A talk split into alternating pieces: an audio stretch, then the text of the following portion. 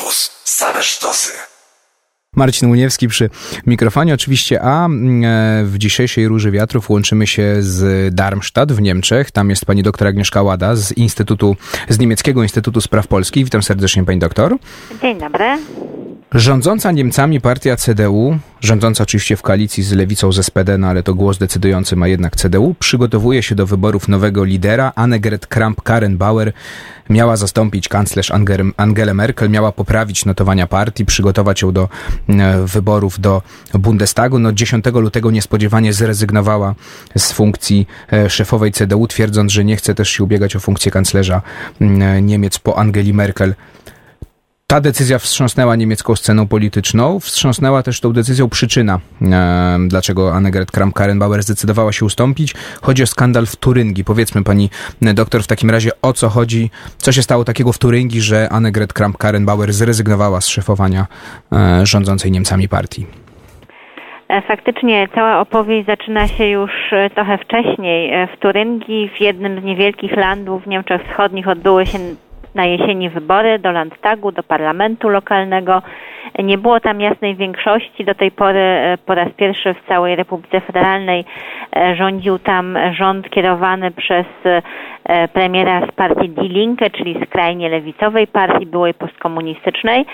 Wybory wskazały, że ta partia Die Linke, jak CDU, jak i AfD, czyli Alternatywa dla Niemiec, dostały mniej więcej porówną liczbę głosów i ten rozkład był taki, że trudno było znaleźć jasną większość. I na początku lutego e, Landtag w Turyngii próbował wybrać premiera, ale właśnie dlatego, że nie było jasnej większości, e, bo Die Linke i SPD brakowało e, koalicjanta, brakowało większości absolutnej głosów.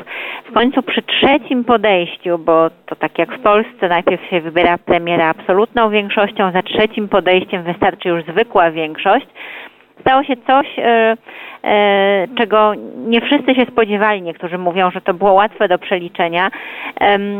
Wygrał kandydat, który nie miał absolutnej większości, e, który wystartował w tej trzeciej rundzie nagle, liberał, pan Kameryś, e, ale on dostał poparcie także posłów alternatywy dla Niemiec. I to jest dlatego takie niesamowite, ponieważ pierwszy raz w historii Republiki Federalnej jakiś premier w landzie E, landu dostał poparcie i został wybrany głosami tej skrajnie prawicowej partii.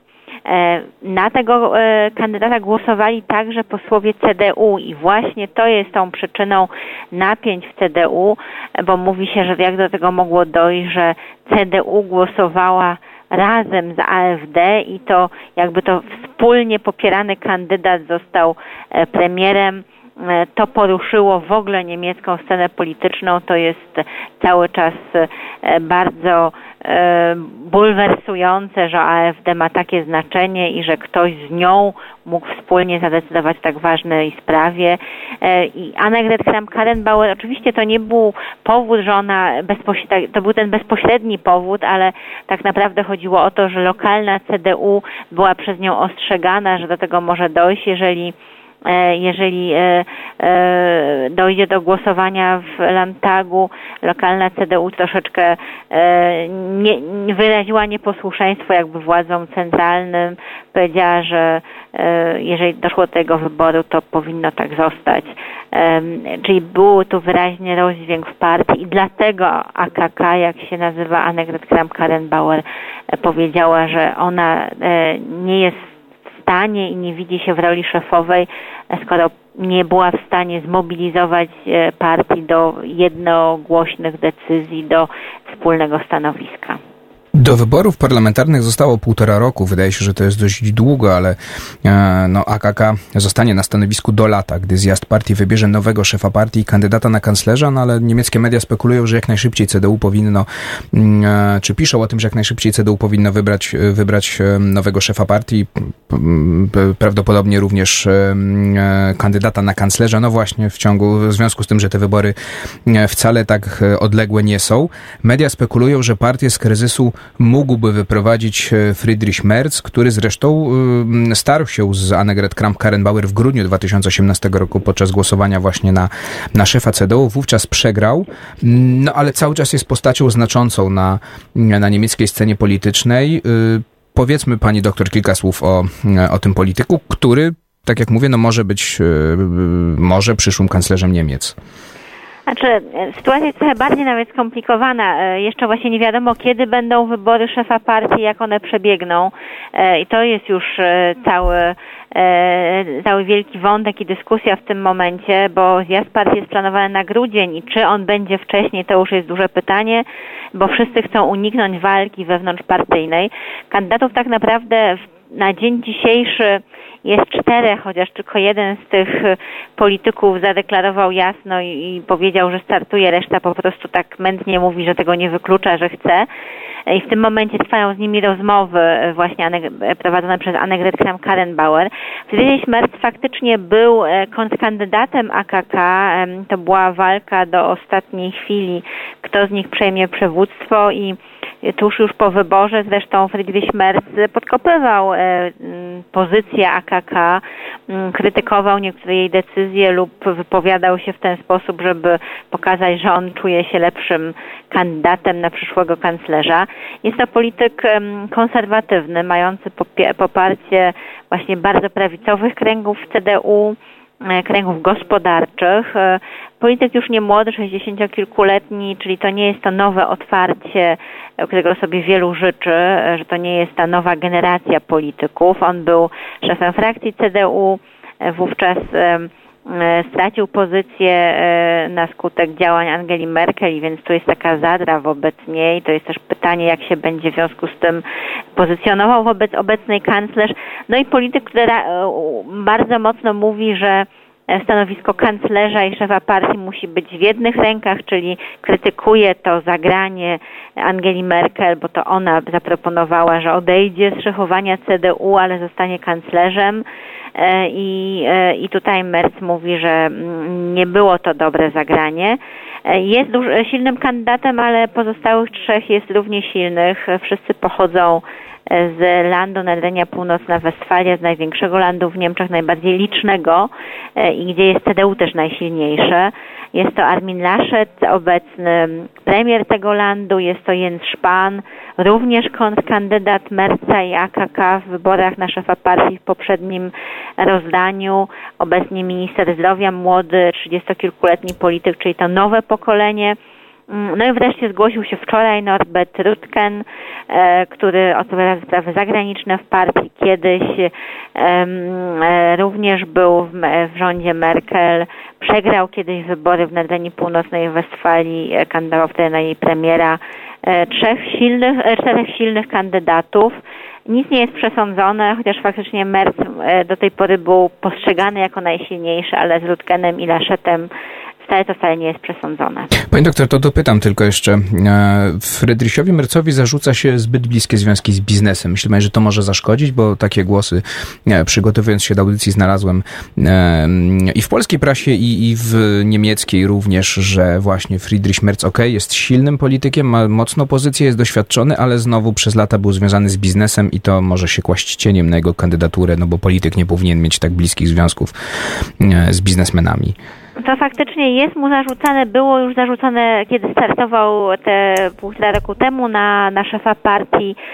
Były też, były związane tam z różnymi pod, aferami, które się w biznesie e, pojawiały, więc e, to jest cień, e, który się kładzie na jego osobie. Z drugiej strony mówi się, że dzięki temu no dobrze będzie rozumiał potrzeby gospodarcze w momencie, kiedy niemiecka gospodarka no nie będzie miał łatwych lat przed sobą, e, kiedy zbliża się osłabienie gospodarcze, właściwie już się zaczęło, e, więc to są plusy i minusy. Mm, natomiast na pewno to jest ta jedna, jedna linia argumentacji. Inne mówią, że on jest jednak zbyt prawicowym kandydatem, że um, jednak CDU potrzebuje jakoś trochę bardziej w centrum, żeby nie zrazić potencjalnych koalicjantów, jakim są zieloni, bo na razie matematycznie wychodzi, że CDU miałaby szansę z nimi wejść w koalicję. Inni mówią, że no jeżeli to będzie tak prawicowa partia, to wyborcy uciekną właśnie do zielo- chociażby do zielonych czy liberałów. W związku z tym to nie, nie tylko powiązania z biznesem tutaj mu nieco przeszkadzają, ale właściwie każdy z kandydatów ma też pewne słabe strony. Róża Wiatrów. Audycja o stosunkach międzynarodowych. Marcin Uniewski przy mikrofonie, a e, z nami jest e, pani doktor Agnieszka Łada z Niemieckiego Instytutu Spraw Polskich w Darmstadt, a rozmawiamy o pewnym chaosie, który zapanował na niemieckiej scenie politycznej. Wszystko w związku z tym, że szefowa e, największej i rządzącej Niemcami partii w koalicji, ale jednak rządzącej partii CDU, Annegret Kramp-Karrenbauer 10 lutego niespodziewanie zrezygnowała z funkcji szefowej partii i z ubiegania się o, mm, o urząd kanclerza Niemiec. Decyzja była między innymi podyktowana tym, że w Turyngii mm, politycy CDU głosowali ramię w ramię ze skrajną prawicą AfD, no i zarzucono Negret Kramp-Karrenbauer, że nie potrafiła ich od tego odwieść, że nie, nie potrafiła ich zdyscyplinować, żeby nie głosowali razem ze skrajną mm, prawicą właśnie, pani doktor, to co już trochę powiedzieliśmy, przez ten trochę ponad rok, kiedy Annegret Kramp-Karrenbauer była szefową partii, jej przeciwnicy zarzucali jej brak charyzmy, brak doświadczenia, pozostawaniu w cieniu Angeli Merkel, no taką nieumiejętność y, odnalezienia się w tej y, polityce ogólnokrajowej, tak? Mm, I teraz pytanie moje jest takie, czy nowy kandydat, kim by nie był, mamy tą czwórkę, kim by nie był, będzie w stanie tak dobrze kontrolować struktury partyjne, by no właśnie nie wchodziły w sojusze ze skrajną prawicą, bo wydaje się, że e, posłom CDU łatwiej dogadać się z AfD, część przecież posłów AfD wywodzi się z CDU, niż na przykład głosować z partią e, Zielonych, więc jest pewien taki trend, można zauważyć, tak? I teraz pytanie, czy, czy kto by nie był na czele partii, to będzie potrafił tak zdyscyplinować partię, żeby nie powtórzyła się, e, nie powtórzył się ten skandal z Turyngii. E, faktycznie to będzie bardzo duże wyzwanie z kilku powodów. Po pierwsze, e, generalnie CDU jest coraz bardziej podzielona. Tam są mocne skrzydła właśnie prawicowe, lewicowe, są zwolennicy kontynuowania kursu Angeli Merkel, są ci, którzy mówią trzeba iść bardziej w prawo, są ci, którzy mówią trzeba iść bardziej w lewo. To jest coraz mocniejsze i to jest kolejny powód, ponieważ generalnie społeczeństwo niemieckie jest coraz bardziej spolaryzowane, tak jak wszystkie społeczeństwa. E, te konflikty wychodzą też coraz bardziej na zewnątrz. Kiedyś nawet jeżeli pewne podziały były, to o nich nie było głośno. CDU była bardzo jednolitą partią. Jeszcze w roku 2015 inne partie zazdrościły, że my tu się kłócimy, a oni zawsze e, siłą za Merkel. E, to te czasy już minęły. I, I także, i to jest kolejny powód, dlaczego będzie trudniej, bo nie ma już takich osobowości e, polityków, którzy by Mm, pociągnęli za sobą i, i uciszyli e, te, te podziały. E, stąd tych czworo kandydatów e, jest, oni są mocni, ale żaden z nich nie jest taką osobowością, która była wskazywana, o, on to potrafi, on da radę, na niego na pewno, nie wiem, zagłosuje większość delegatów na zjeździe partii, czy on jest taką osobowością, że na niego na pewno Mm, będą wskazywać e, też wyborcy CDU, którzy no przecież też ostatecznie się liczą. Mm, w związku z tym, e, ktokolwiek by to nie był, będzie miał duże wyzwanie przed sobą, e, żeby uniknąć tej bratobójczej walki jeszcze w piątek pojawiały się pomysły, żeby było takie grupowe zarządzanie partią. To jest nowość jako hasło. Troszeczkę się nawet przy tym śmieję, dlatego bo SPD teraz ćwiczyła, czyli socjaldemokracja niemiecka ćwiczyła rozwiązanie z podwójnym przywództwem, bo właśnie nikt taki nie chciał się wyłonić na jednoosobowe e, przywództwo, więc wymyślili taki podwójny, mm, podwójne rozwiązanie i to też wcale nie jest idealne. E, to no, CDU teraz właśnie, żeby uniknąć tego, e, tego, tego, tej rywalizacji, kto ma zostać szefem, pojawiła się ta idea grupowego przywództwa nikt nie wie, nie wie jak to miałoby wyglądać i no, w końcu jak w każdej grupie ktoś musiałby jednak być na czele. Mm, mówi się po tej wczorajszej decyzji czwartego kandydata, ogłoszeniu przez Rytkena, że będzie kandydował, no, że ta, ta idea grupowego przywództwa właśnie się już skończyła, zanim się na dobre zrodziła, bo no, mówiono o niej w przypadku trzech kandydatów, jak teraz jest czwarty, to jest jeszcze trudniej. E, to pokazuje że partia sama jeszcze nie wie, jak dojść do rozwiązania i właściwie co rano w radiu e, można słuchać prominentnych polityków CDU, którzy mówią, trzeba rozmawiać, trzeba sądować, ale nikt nie ma dobrego rozwiązania. Angela Merkel ma pozostać kanclerzem oficjalnie do 2021 roku. No z tym, że e, Financial Times pisze, że jednak w związku ze skandalem w Turyngii, z ustąpieniem jej protegowanej, bo tak chyba możemy nazwać Annegret Kramp-Karrenbauer, partii słychać coraz więcej głosów, że powinna jednak odejść wcześniej, żeby właśnie nie przyćmić następnego, następnego szefa partii i następnego kandydata na kanclerza, no bo też zarzucano tak Kramp-Karrenbauer, że nigdy nie wyszła z cienia Angeli Merkel i zawsze każdy pożar, który powstawał na scenie politycznej niemieckiej, to musiała gasić i tak Angela, Angela Merkel. Myśli pani, że taki scenariusz y, można rozważać jako realny, że Angela Merkel jednak wcześniej niż ten 2021 zdecyduje się ustąpić już całkowicie oddać władzę i nad krajem, i nad partią komuś innemu? niemiecka polityka jest obecnie tak nieprzewidywalna, że e, już nie można mówić tak, jak się mówiło jeszcze, nie wiem, 10 czy 7 lat temu. Nie, w niemieckiej polityce to jest nie do pomyślenia. E, teraz już, już takie tezy są były bardzo niebezpieczne. E, Angela Merkel faktycznie na razie mówi dotrwam. To jest fakt. Drugim faktem jest to, że SPD obecnie mówi, my weszliśmy w koalicję z Merkel, nawet jak CDU sobie wymyśli, że będzie chciała mieć innego polityka jako kanclerza jeszcze przed końcem kadencji Bundestagu, my się na to nie zgodzimy, a wiadomo, że mm, a faktem jest, że zmiana kanclerza w Niemczech wymaga e, tego konstruktywnego wotum nieufności, czyli e, z propozycją odwołujemy tego kanclerza, musi iść propozycja i powołujemy tą i tą osobę. To jest podobnie jak w Polsce. E, więc jeżeli SPD tego nie poprze, no to, to nie ma większości w Bundestagu. Ciężko sobie to wyobrazić. Z drugiej strony, jeżeli by nie poparło SPD i to jest kolejny fakt e, w tej sytuacji e, i doszłoby do nowych wyborów, to tak, tak naprawdę to jest fatalnie dla SPD, bo partia ta ma obecnie nawet 12% w sondażach, to jest bardzo mało jak na tą partię, to jest porażka dla niej. E, no więc to dobrze nie wróży na jej przyszłość, więc pewnie ilość posłów by wolało zagłosować za kimkolwiek jako kanclerzem, byleby tylko nie było wyborów, bo po tych wyborach już nie będzie w Bundestagu. W związku z tym wszystko jest bardziej skomplikowane. E, no jest jeszcze kolejny fakt. Niemcy mają przewodnictwo w Radzie Unii Europejskiej w najbliższym półroczu e, na jesieni. To powoduje, że oni bardzo chcą, żeby była spokojna wewnętrzna scena polityczna.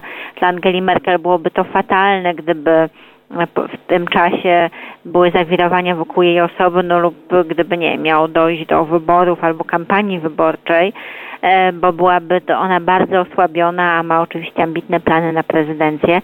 Stąd e, wiele czynników wskazuje na to, że, że, że Angela Merkel powinna i miałaby zostać, ale tak jak mówię, e, różne rzeczy się zdarzają, będą wybory niby w niewielkim landzie, w Hamburgu, to jest to jest no, niby niewielkie znaczenie, ale może mieć symboliczne znaczenie, że gdzieś znowu jakieś mm, niesamo, nie, nie przypuszczają rzeczy, do których się, których się nie domyślamy, mogą się e, wydarzyć. Nie wiemy, co będzie w Turyngii, czy dojdzie do nowych wyborów.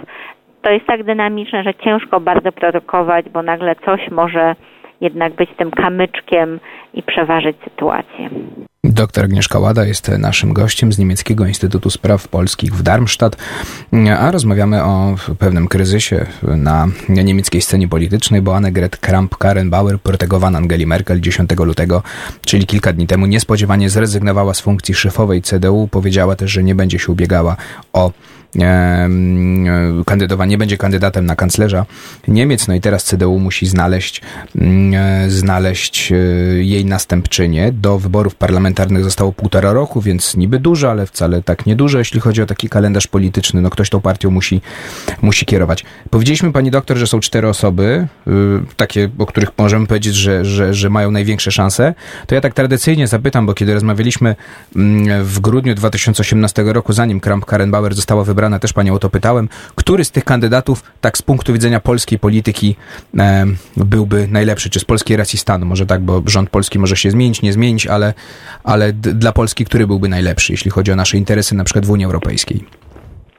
No to jest ciężkie pytanie, ponieważ no, są to kandydaci, którzy zasadniczo wiele z Polską wspólnego nie mają, czy nie, nie są znani z jakiejś specjalnej, nie wiem, specjalnych zainteresowań Polską. To może ktoś jest bardziej prorosyjski na przykład i to już jest... Więc właśnie, do tego, do tego zmierzam, że na pewno Friedrich Merz jest kojarzony bardziej z taką prorosyjskością, no więc to dla nas na pewno by nie było najlepsze. I e, on szczególnie właśnie ta jego prorosyjskość i, i takie skręcenie na prawo, myślę, że to by nie było najlepsze dla, dla relacji. Może tak, nie byłoby złe, ale stawiałoby wiele wyzwań.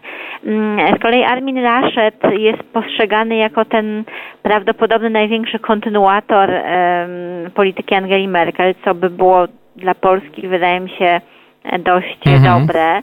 E, Röttgen, który no, pojawił się wczoraj jako kandydat, e, zajmuje się teraz polityką zagraniczną i on z kolei tutaj bardzo e, idzie w odwrotną stronę niż Merz, czyli to krytyczny jest wobec Rosji, jest transatlantykiem.